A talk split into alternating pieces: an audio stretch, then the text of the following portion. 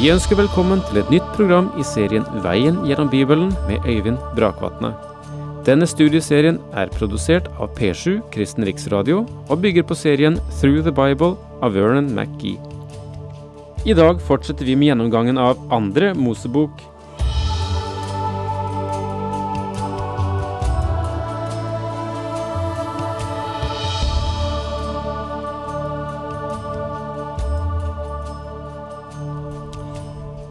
En av de mer fantastiske opplevelsene jeg har hatt i mitt liv, er å være med i Afrika når en eh, trollmann brente sine tryllemidler efter at han var blitt en kristen. Det var rart å tenke på denne overgangen fra en verden til en annen, og hvordan eh, efterpå han deltok i sangen i den kristne menighet, og, og det var lovsang utover eh, langt på natt, før dette stilnet i glede over det som hadde hendt med denne karen.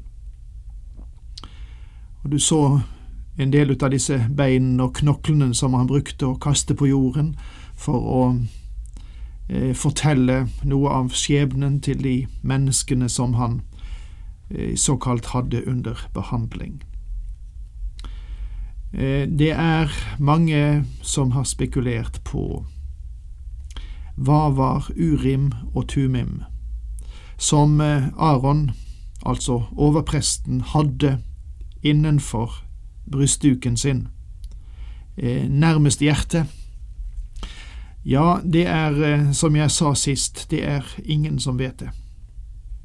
Det er en hemmelighet som ingen nå vet noen ting om. Var det terninger?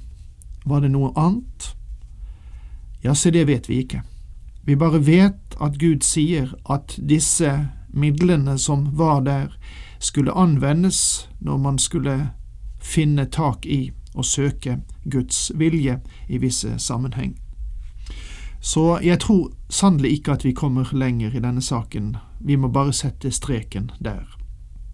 Urim og Tumim for de som kan være nye, kanskje, eh, med oss eh, i vårt eh, bibelstudium, så vil jeg ønske velkommen og henvise til Annen Mosebok kapittel 28.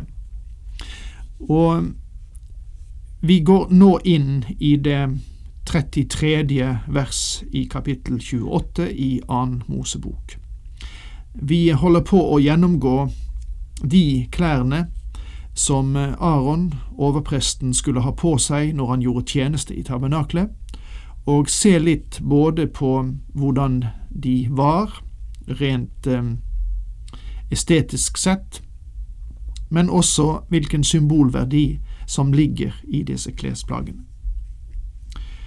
Og så står det da i vers 33 og videre, nederst rundt kappekanten skal du sette granatepler av fiolett, purpurrød og karmosinrød ull, og mellom dem gullbjeller helt rundt. Først skal det være én gullbjelle og ett granateple, så én gullbjelle og et granateple, og likedan nederst rundt hele kappekanten. Granatepler taler om frukt, og bjellene taler om vitnesbyrde. Vi skulle ha begge disse uttrykkene representert i vårt liv. Vi bør være et vitnesbyrd for Kristus og Den hellige ånds frukt. Som det står i Galaterbrevet 5, 22–23, skulle være synlige i våre liv.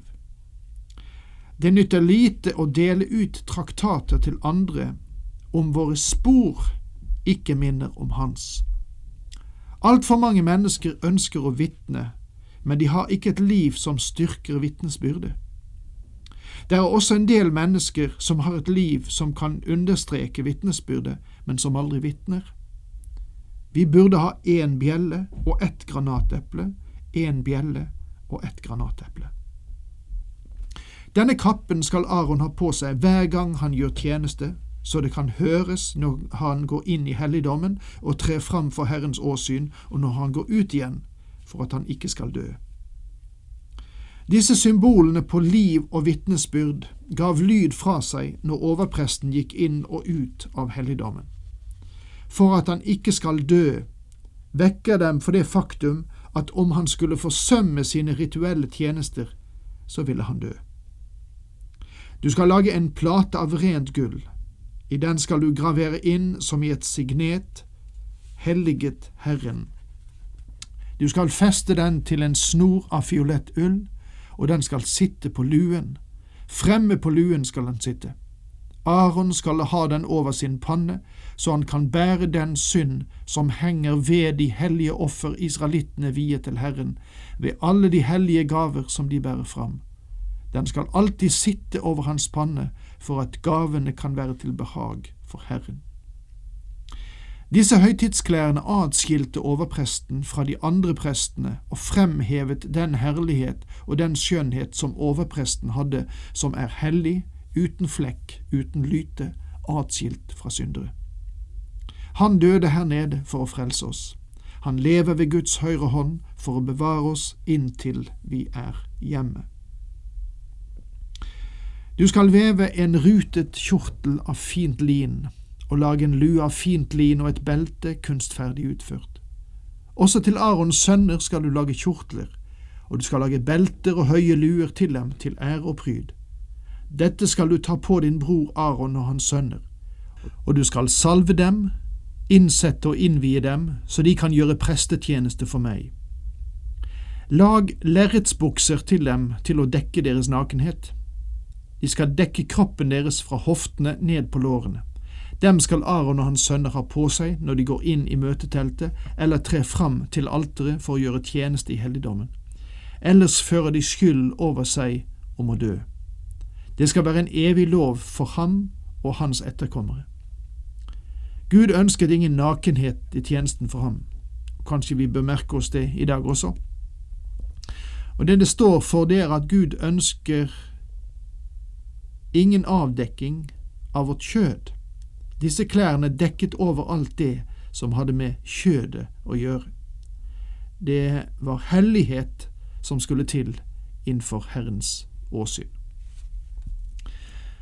Ja, da må vi eh, si oss ferdig med kapittel 28 og gå over til det 29. kapittel i annen Mosebok. Og det omtaler offeret og prestevigselen, videre det daglige offeret, deretter Guds løfte om å bo blant israelsfolket. Kapittel 29 er et langt kapittel, og ikke alt er interessant og spennende lesing.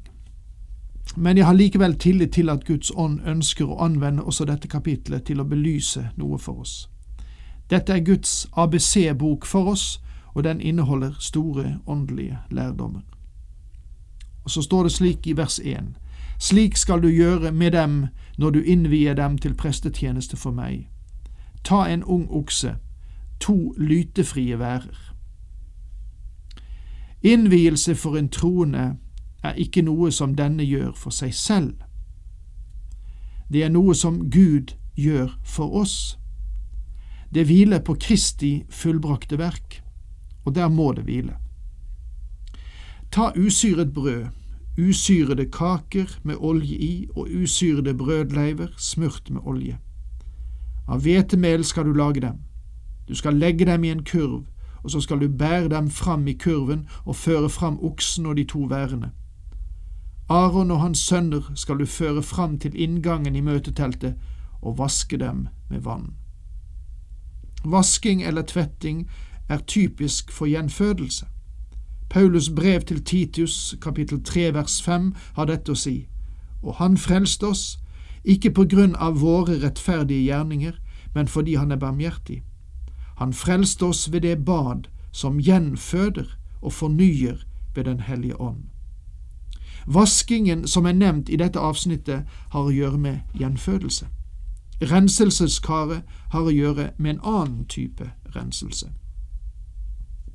Og nå skal Moses iføre Aron prestedrakten. Du skal ta klærne og kle Aron i kjortelen, kappen, efoden og brystduken. bind om ham beltet på efoden, sette luen på hans hode og feste det hellige diadem på luen.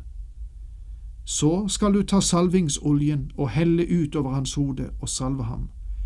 Du skal også la Arons sønner tre fram og ta på dem kjortlene, spenne beltet om dem like som om Aron, og binde de høye luene på dem.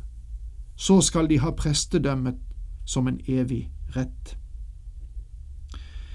Innvielse er i første rekke det Gud gjør, og ikke det vi gjør.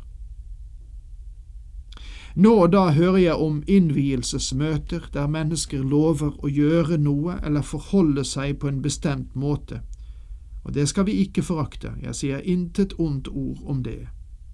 Jeg har også lovet Gud store ting i tiden som ligger bak, og vel aldri helt oppfylt de fleste ut av de løfter som er gitt. Å, mine venner, jeg vil nødig tenke på det alene som innvielse. For i denne innvielsesstunden så gjelder ikke bare det som jeg primært lover ham. Fremfor alt tror jeg at innvielse er å komme til Gud med tomme hender og kjenne vår svakhet og vår manglende evne til å gjøre det Han vil, og så la Gud gjøre resten. Om du leser bønnene i Det gamle testamentet fra Moses, Elia, David og Samuel, og fra Paulus i Det nye testamentet, så vil du snart se at disse mennene aldri kom til Gud på grunnlag av det de selv var, hvem de var, eller det de lovet Gud at de skulle gjøre. Her er i sannhet menn som kommer til ham med tomme hender og gir Gud frie hender til å fungere og operere og fylle deres liv. Når du innsetter Aron og hans sønner, skal du føre oksen fram foran møteteltet, og Aron og hans sønner skal legge hendene på dens hode. Overpresten og hans familie la sine hender på oksen. Det er mange som tror at det å foreta håndspåleggelse overfører noe magisk eller åndelig.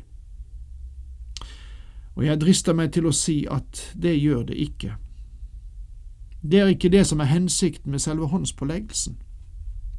Det å legge hendene på dette dyret taler om identifikasjon, det å bli ett med. Når en synder kom frem til alteret og la sine hender på hodet til det dyret de hadde ført fram som offer, så betydde det at dyret tok dennes plass. Jeg har hatt gleden av å være med ved flere misjonærinnvielser, bare for å ta den siden av saken, da. Vi la våre hender på dem. Men så langt jeg vet, har jeg aldri overført noe til en misjonær. Gud overfører, det er riktig. Hensikten med denne innvielse var identifikasjon. Misjonærene blir gjort til ett med oss. De representerer oss på feltet. Og det tenker jeg alltid på i slike stunder, når jeg legger mine hender på en misjonær. Misjonæren er identifisert, gjort til ett med meg i tjenesten, og jeg har et særlig ansvar til å be for dem og støtte dem. Dette er selve grunnfaktoren i håndspåleggelsen. Og da tror jeg at vi må sette strek der. Eh, jeg takker dere for at dere er med her under gjennomgåelsen av Annen Mosebok. Ønsker dere Guds rike velsignelse.